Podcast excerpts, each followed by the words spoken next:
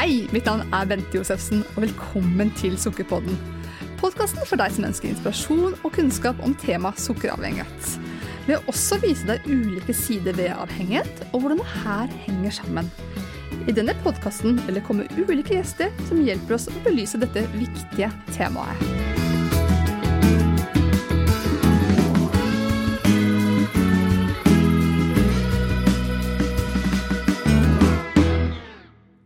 Jeg spurte våre lyttere hva ønsker dere at jeg skal snakke om i neste episode av Sukkerpodden. For denne episoden blir litt annerledes. I dag skal jeg ikke ha noen gjester, i dag skal jeg være min egen gjest. Og det flere ba om, og hadde et ønske om, det var at jeg kunne fortelle litt mer om min egen historie, og hvorfor jeg startet selskapet Frisk uten sukker AS. Og da har jeg lyst til å ta med deg på en liten reise. Jeg husker utrolig godt en desemberdag i 2015. Jeg og en venninne av meg hadde bestemt oss for å reise på en julekonsert. Vi skulle på en julekonsert i Lillestrøm kirke. Dette så jeg veldig frem til. Dette, det blir jo helt fantastisk. Jeg hadde alltid satt veldig pris på slike julekonserter. Jeg kan jo ha vært på slike konserter selv, men det setter jo en egen stemning å sitte i en kirke med den akustikken og det miljøet som er der, bare nyte å ta inn. Vi ankom Lillesand kirke, og jeg gikk oppover kirkealleen og gledet meg veldig til denne konserten. Jeg kom inn i denne kirken fra det, det kalde været utenfra som det ofte kan være i desember, og inn i denne varme, lune kirken. Nydelig opplyst med tente lys, og der sto orkesteret klart. Jeg og min venninne hadde sikret oss billetter lengst frem i kirken, og jeg tenkte at det blir jo en magisk opplevelse å sitte helt fremst og få disse fantastiske artistene og musikerne liksom helt tett innpå oss. Vi gikk opp på kirkegulvet og satte oss godt til rette på denne fantastiske kirkebenken med sånn nydelige ut, ut, sånn utskjæringer. Og jeg så meg rundt i kirken og satt full av forventning. Konserten startet, og så skjedde det noe rart. Det var som om jeg ikke var til stede. Altså, jeg satt jo åpenbart i denne kirken, men det var som om jeg på en måte var på Mars og så at noe skjedde langt, langt der borte på jorden. Det var som om jeg satt i en sånn bomullsboble.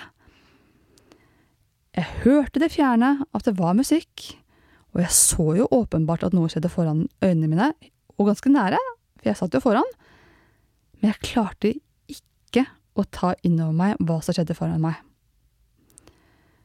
Det var som om noen hadde puttet bomull både inni ørene mine og inni i hele hodet. Tankene mine spant i alle retninger.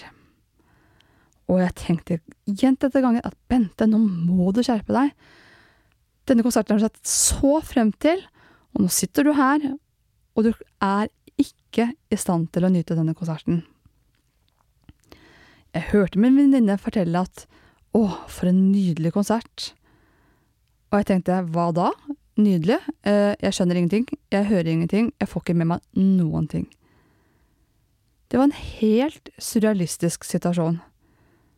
Jeg hadde ikke opplevd maken før. Det vil si, jeg hadde nok opplevd å gå rundt med mye bomull, som jeg beskrev det, i hodet, men dette toppet seg virkelig. Og tankene gikk i alle retninger, og jeg begynte å tenke på mitt eget liv som om jeg så det i en film. Jeg tenkte på, ja, men hvis jeg er slik nå, hvordan er jeg egentlig hjemme? Er jeg egentlig til stede for mine barn? Hvordan er jeg på jobb? Er jeg produktiv og effektiv? Er det sånn jeg vil at mitt liv skal være? Der og da, i Lillesøm kirke, desember 2015, så gjorde jeg en erkjennelse. Jeg var på feil sted i livet. Dette her var ikke slik det var ment at livet skulle være. Det er ikke meningen at man skal sitte og ha bomull i hodet, og dessuten så satt hjernen min og produserte masse kreative tanker om når jeg neste gang skulle kunne spise noe, og gjerne noe med sukker. Kunne jeg avlede min venninne på veien hjem, sånn at jeg kanskje kunne stoppe med en bensinstasjon, skylde på at jeg skulle ha en kaffe, for så å få kjøpt noe søtt. For, for det var det min hjerne var opptatt av. Så i Lillesøm kirke så innså jeg at det her går ikke, jeg kan jo ikke ha det slik. Jeg ønsker å være til stede med mitt eget liv, og dessuten så hadde jeg mye vondter i kroppen og mange plager. Vekten hadde dessuten gått opp 30 kilo, noe som heller ikke var bra. Etter denne konserten, som jeg ikke fikk meg noen ting som helst av, og jeg husker den dag i dag faktisk ikke hvem vi var på konsert med, så det sier jo litt om min opplevelse, så begynte jeg å søke hjelp, for jeg hadde virkelig innsett at jeg må gjøre noe med det her, jeg kan ikke fortsette å ha det slik.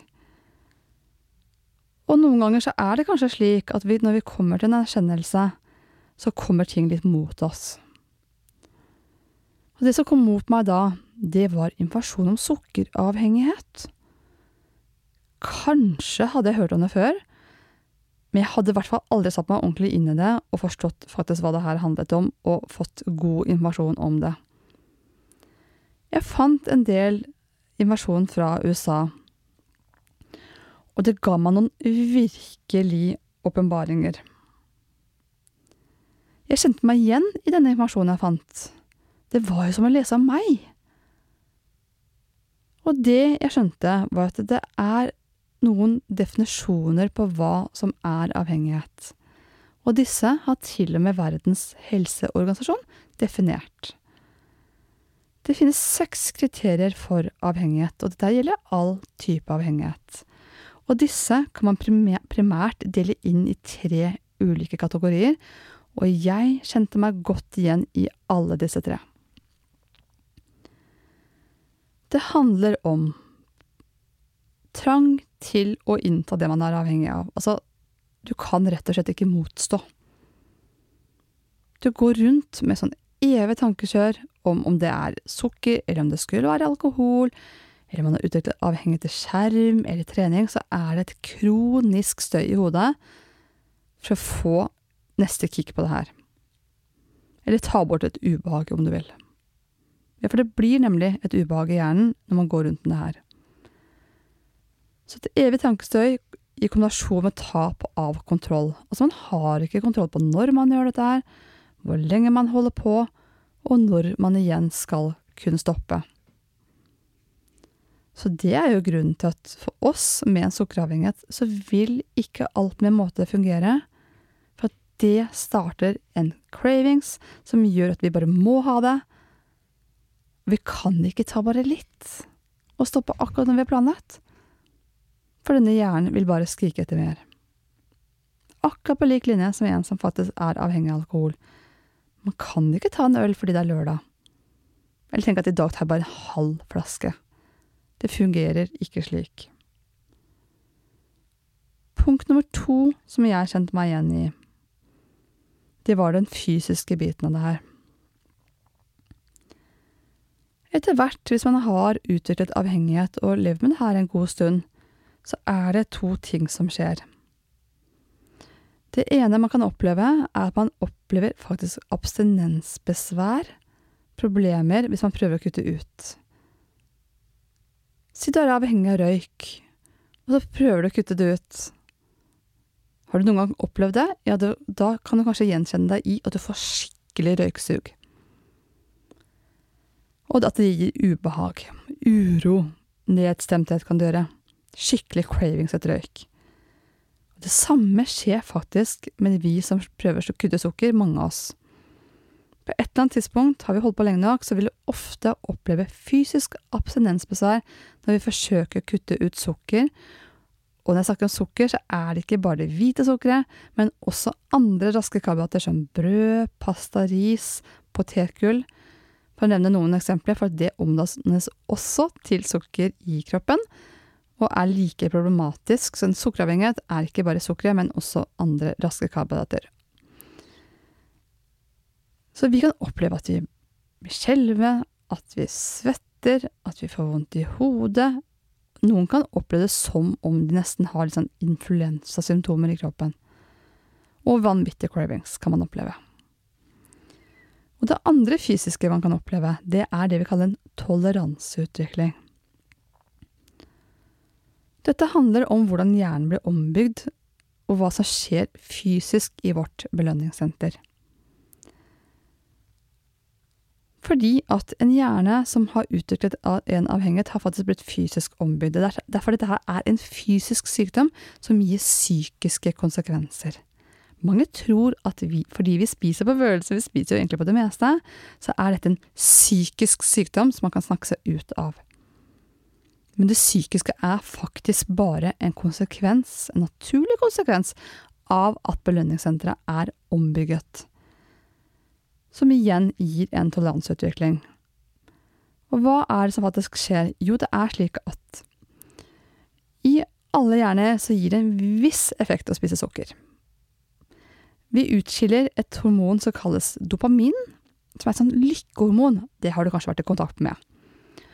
Alle mennesker som spiser noe søtt, vil få en viss utskillelse av dette lykkehormonet dopamin. Og det var nyttig den gangen da man kanskje kom i kontakt med noe søtt en gang iblant. Man kanskje kunne spise frukt i sesong. Kanskje man kom over en bikube og kunne spise litt honning av og til, men man spiste faktisk verken godteri, boller eller frukt året rundt. Når vi som har en sårbarhet for å utvikle en sukkeravhengighet, for dette handler i stor grad om genetikk Når vi kommer i kontakt med sukker, så får vi et større påslag, som vi sier, i hjernens belønningssenter. Altså vi utskiller mer dopamin enn et annet menneske. I en frisk hjerne som ikke har en avhengighet, så er det slik at når de spiser f.eks. av sukker, og får påslag av dopamin, og det sendes liksom ut dopamin i dette belønningssenteret, så er det slik at ca. 50% av hjernens reseptor, som vi kaller det, tar imot dopamin. Sånn, ca. halvparten av altså mottakerskålene blir aktivert og tar imot dopamin. Vi som har en sårbarhet for, for avhengighet, vi får utskilt mer dopamin, som jeg var inne på, hvilket gjør at vi begynner å fylle opp flere av disse skålene. For det blir så mye. Og da sier hjernen at hjelp, det her går jo ikke, vi kan ikke de bruke alle disse reseptorene, for det skal faktisk være noen som ikke er i bruk. Og da gjør hjernen først fysiske ombygning, og det er at den har det vi kaller en oppregulering av disse reseptorene. Altså den øker antall reseptorer for at noen skal stå ubrukte. Og da høres det ut som at det, saken er løs, men den er dessverre ikke det. For det fordi at fortsatt så får vi en større påvirkning i hjernens belønningssenter enn andre mennesker når vi spiser søtt eller disse andre raske karbohydratene. Så etter en stund så har vi jammen fylt opp de nye reseptorene også. Og da sier hjernen igjen wow, dette her går ikke, det er for mye, det her er ikke friskt for meg. Og da gjør den neste fysiske ombygning, og det er det vi kaller en nedregulering. Det er som om den legger lokk på reseptorene, så selv om du produserer masse eh, dopamin, så vil ikke hjernen kunne ta imot disse signalene. Og da kan det skje to ting. Enten så øker du mengden for å prøve å oppnå samme effekt. Ja, du har kanskje hørt om en som er eksempel avhengig av alkohol, og så begynner å drikke mer eller sterkere saker. Det samme med narkotika, narkotiske stoffer, at man går til sterkere varianter. Har man sukkeravhengighet, når man får denne toleranseutviklingen, så vil de aller fleste først øke mengden. Altså man begynner å spise kopiøse mengder. Det er ikke litt overspising lenger. Og det kan være overspising på godteri, men også det mange anser som vanlig mat. At man er helt ustoppelig når man f.eks. begynner å spise brød, pasta, ris, pizza, potetgull. Og når dette her ikke lenger gir samme effekten, så kan man bytte det man kaller utløp eller uttrykk for avhengighet. At man kan sånn, uttrykke avhengighet til skjermer eller spill, eller faktisk alkohol. Ikke helt uvanlig. Man bytter bare problem. Så derfor så er det her en fysisk, fysisk sykdom som gir psykiske konsekvenser. Altså, jeg var innom at det var tre kategorier her som man kan snakke om, altså kategorisere avhengighet. Den første var, som jeg nevnte for deg, dette her med trangen til innta og ta på kontroll. At man har de fysiske abstinensene, som også da gir etter hvert toleranseutvikling. Og den siste kategorien er at man fortsetter til tross for store, åpenbare negative konsekvenser. Altså, du vet det her ikke er bra for deg, men du fortsetter allikevel til tross for at det gir konsekvenser. Andre utenfor kan være så fortvilte og tenke at er du helt dum? Du må jo skjønne at du må slutte med det her. Men det her handler ikke om at det fungerer å bruke din viljestyrke. Det handler ikke om å forstå at det her er dumt, for det forstår vi jo. Selv om vi har lett for å fornekte i perioder. Og, vi, det, og det, forsømmer andre deler av livet. Altså det går på bekostning av andre, andre deler av livet ditt. Da jeg kom over disse punktene, så kunne jeg gjenkjenne meg i samtlige. Men det er slik at avhengighet det er noe som utvikler seg over tid. Så i starten så er det ikke sikkert man gjenkjenner seg i alt det her, men får man ikke hjelp, så vil det her utvikle seg.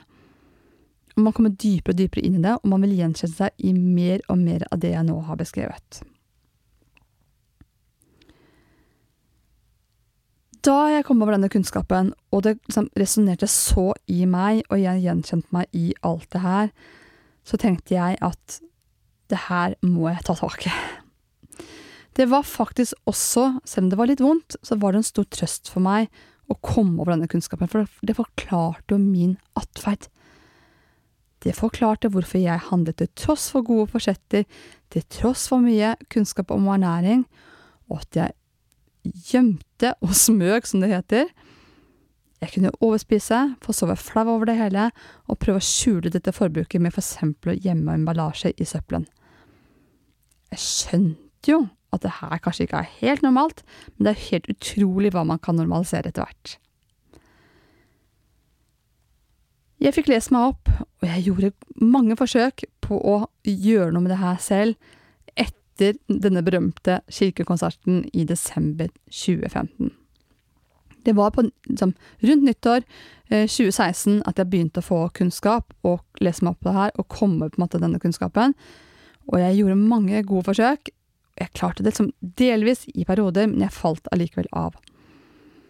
Så til slutt skjønte jeg at jeg må faktisk få hjelp. Altså, jeg klarer det ikke selv, til tross for at jeg begynte å få litt overblikk over det her. Og da kom jeg over at det fantes et behandlingstilbud i Sverige, for det fantes faktisk ingen i Norge som jobbet profesjonelt med å hjelpe mennesker med sukkeravhengighet. Så våren 2016 så reiste jeg til Sverige og fikk hjelp med min sukkeravhengighet. Og da falt de siste brikkene på plass. For jeg hadde ikke vært i stand til å ta inn over meg hele bildet på bakgrunn av å prøve å tilegne meg kunnskap selv. Og det å gjøre det her alene er ikke så lett. En som ikke har en avhengighet, som bare i anførselstegn trenger å skifte livsstil, de kan gjøre det her alene selv. De kan ha nytte av et fellesskap. Men er det snakk om en, om en avhengighet, og det å gjøre det alene, det er som å skulle løfte seg selv etter håret. Det kan du gjerne prøve. Det er faktisk helt umulig. Og grunnen til at det her er umulig, eller svært vanskelig, i hvert fall over tid å få til alene, det er fordi at det her styres på den delen av hjernen hvor ikke det er logikk og sunn fornuft. Det styres primært fra reptilhjernen, som handler om overlevelse. Og når den hjernen starter forhandlingene i ditt hode, så er du maktesløs å stå i de forhandlingene alene. For det den hjernen forteller deg, at du må faktisk ta neste bit sukker, så overlever du ikke. Det er utrolig sterke krefter i sving. Da jeg reiste til Sverige og fikk liksom alle brikkene på plass, så fikk jeg virkelig the missing link. Og det var det som skulle til for at jeg kom meg inn i det som kalles tilfriskning fra sukkeravhengighet. Og hva skjedde med meg da? Så hva konkret innebærte det for meg? Det kan høres ut som en klisjé, endret faktisk hele mitt liv. Det gjorde noe med mitt mentale. Jeg klarte etter hvert å være til stede i livet mitt. For husker du jeg fortalte deg om denne kirkekonserten hvor jeg satt og var totalt et annet sted mentalt. Jeg klarte ikke å nyte noe så banalt og enkelt som vakker musikk, selv om det var rett foran jeg satt meg. Så etter jeg kom meg i tilfriskning fra sukkeravhengighet, så klarte jeg plutselig å være til stede, noe som jo er en gave både for meg selv, min, min omgivelse og ikke minst familien min og mine barn. Jeg er så takknemlig for at jeg dag er i stand til å virkelig være til stede i deres liv. Jeg fått tilbake humoren min. Det kan kanskje virke litt rart hvis du har sett meg i uh, ulike settinger, så ser du kanskje at jeg er en person som vanligvis ler mye og virker glad.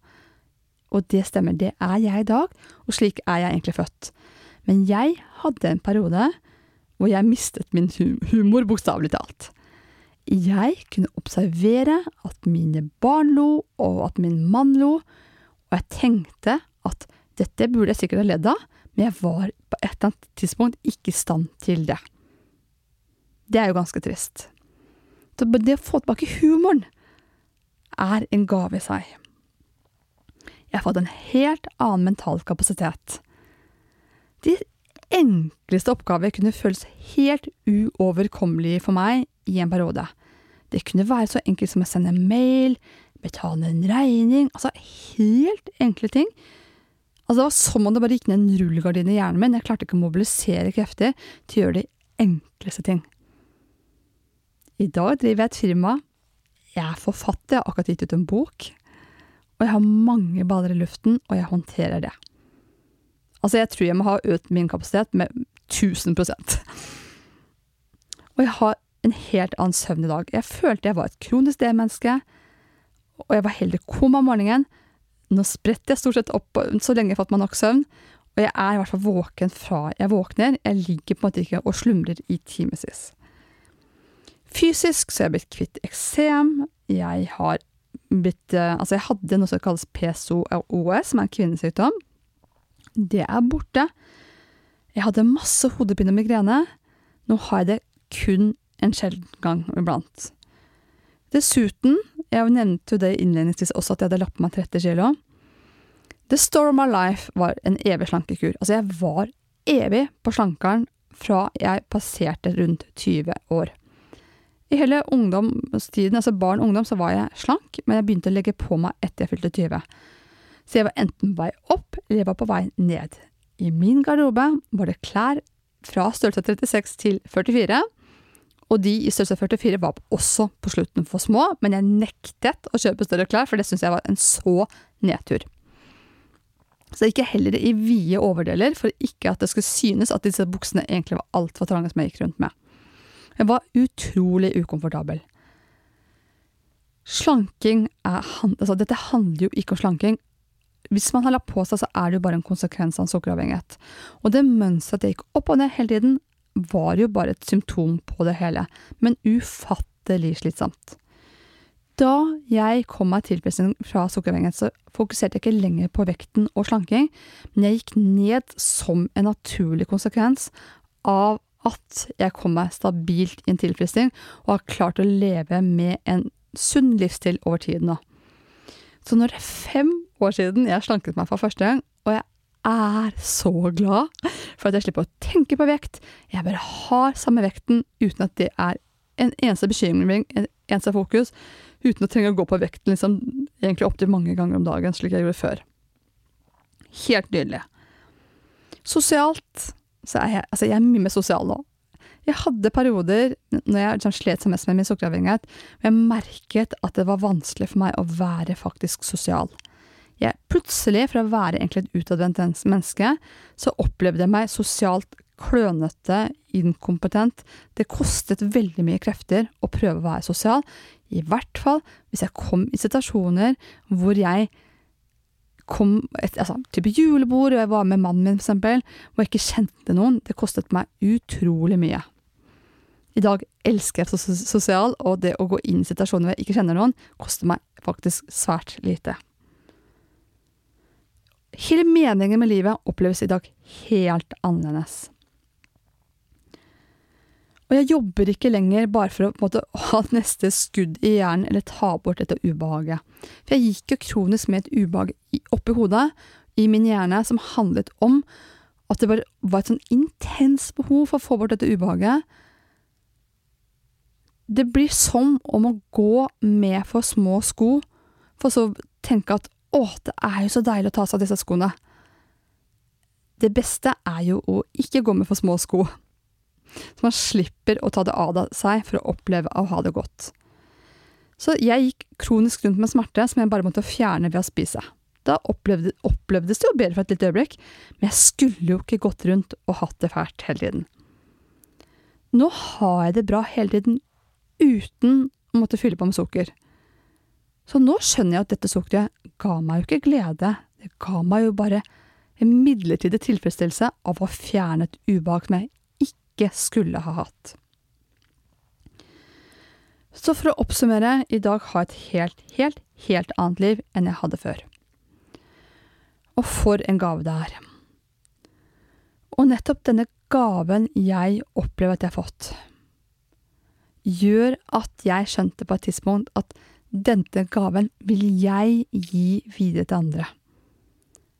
For det var jo ingen andre i Norge som jobbet med å hjelpe mennesker profesjonelt og hadde utdannelse innen sukkeravhengighet. Derfor etablerte jeg høsten 2017 selskapet Frisk uten sukker, som høsten 2020 også ble da et aksjeselskap. Vi i starten, eller jeg, for jeg startet alene, startet med å tilby kurs, og etter hvert så etablerte vi også et medlemskap fordi flere spurte meg men hva etter dette kurset.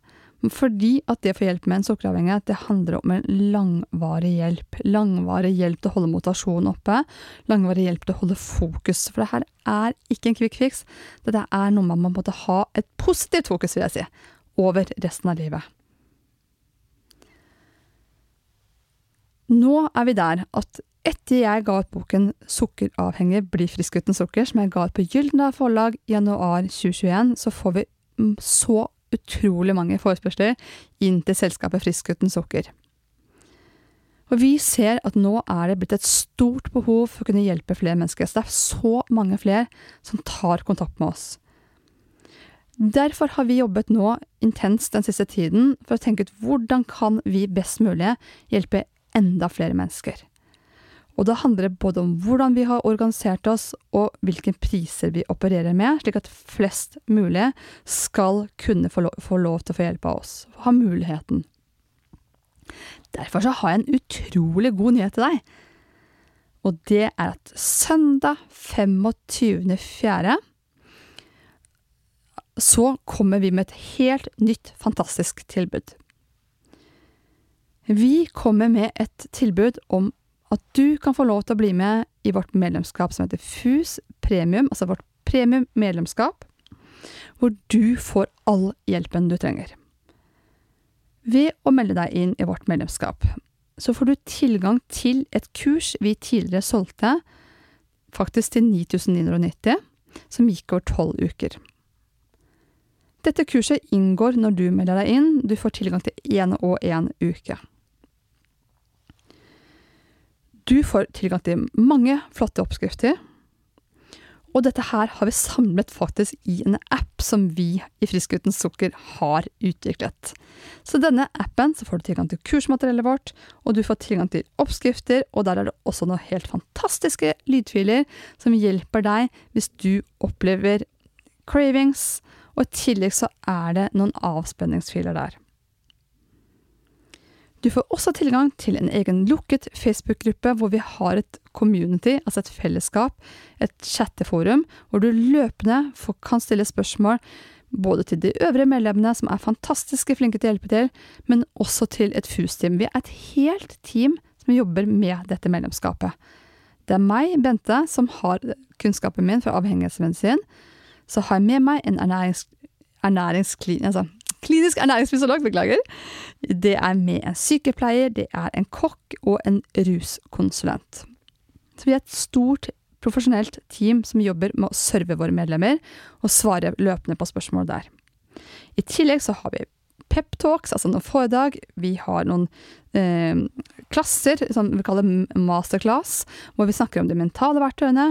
Og vi har noen egne live spørretimer hvor man kan spørre om kosthold. Altså det er et komplett, helhetlig medlemskap. Og nå gjør vi noe helt spinnvilt som vi aldri har gjort før. Fordi, som sagt, vi ønsker å legge til rette for at flest mulig skal få hjelp for oss. Så fra 25. april så tilbyr vi det medlemskapet her nå til en helt ny pris. Tidligere kostet det her 990 i måneden. Nå får du det for kun 499 i måneden, og uten bindingstid. Og ikke nok med det. Om du melder deg inn nå, fra, fra søndag 28., hvor vi da lanserer dette tilbudet, så får du første måned til kun latterlige 99 kroner. Altså, det er ingenting. Og det tilbudet, det stenger vi ned onsdag 28. klokken 16.00. Så fristen er onsdag 16.00. Onsdag klokken 21.00, altså den 28., så har vi en, et eget kickstart-møte for alle dere som melder dere inn nå hvor du kan få spørsmål på alt du lurer på for å komme i gang. Da får du god informasjon om hva det her handler om, og som sagt, du kan også få mulighet til å stille dine spørsmål. Så det her er det beste tilbudet vi noen gang har utarbeida, og vi går langt, langt ned pris, rett og slett fordi at vi ønsker å hjelpe flest mulig, og for å senke terskelen for å gi det her et forsøk. For mange syns det er skummelt å i det hele tatt prøve. Så det eneste du taper på å gi det her en sjanse, er faktisk kun 99 kroner, og for det får du fantastisk mye. Du kan begynne på vårt tolvukerskurs, da får du mulighet til å se de første fire ukene. For å få med deg videre, så må du selvfølgelig være med videre. Du får sett på appen vår, på de fantastiske oppskriftene og alt som ligger i den, og du får være med i denne Facebook-gruppen og være med på alle de sendingene og alt som foregår der. Så min varme anbefaling til deg, hvis du kjenner deg igjen i det jeg har snakket om i dette avsnittet her, så anbefaler jeg på det varmeste å gi det her en ærlig og reell sjanse. Du har ingenting å tape, tenker jeg. 99 kroner, altså hvor mange Pepsi Max får du for det? det er ikke mange. Altså veldig mange med en sukkeravhengighet. Grunnen til at du nevner nettopp Pepsi Max, er at mange drikker masse, masse Pepsi Max. Eller om det er sjokoladen eller potet eller hva som måtte være ditt problem. Eller at det er store mengder mat.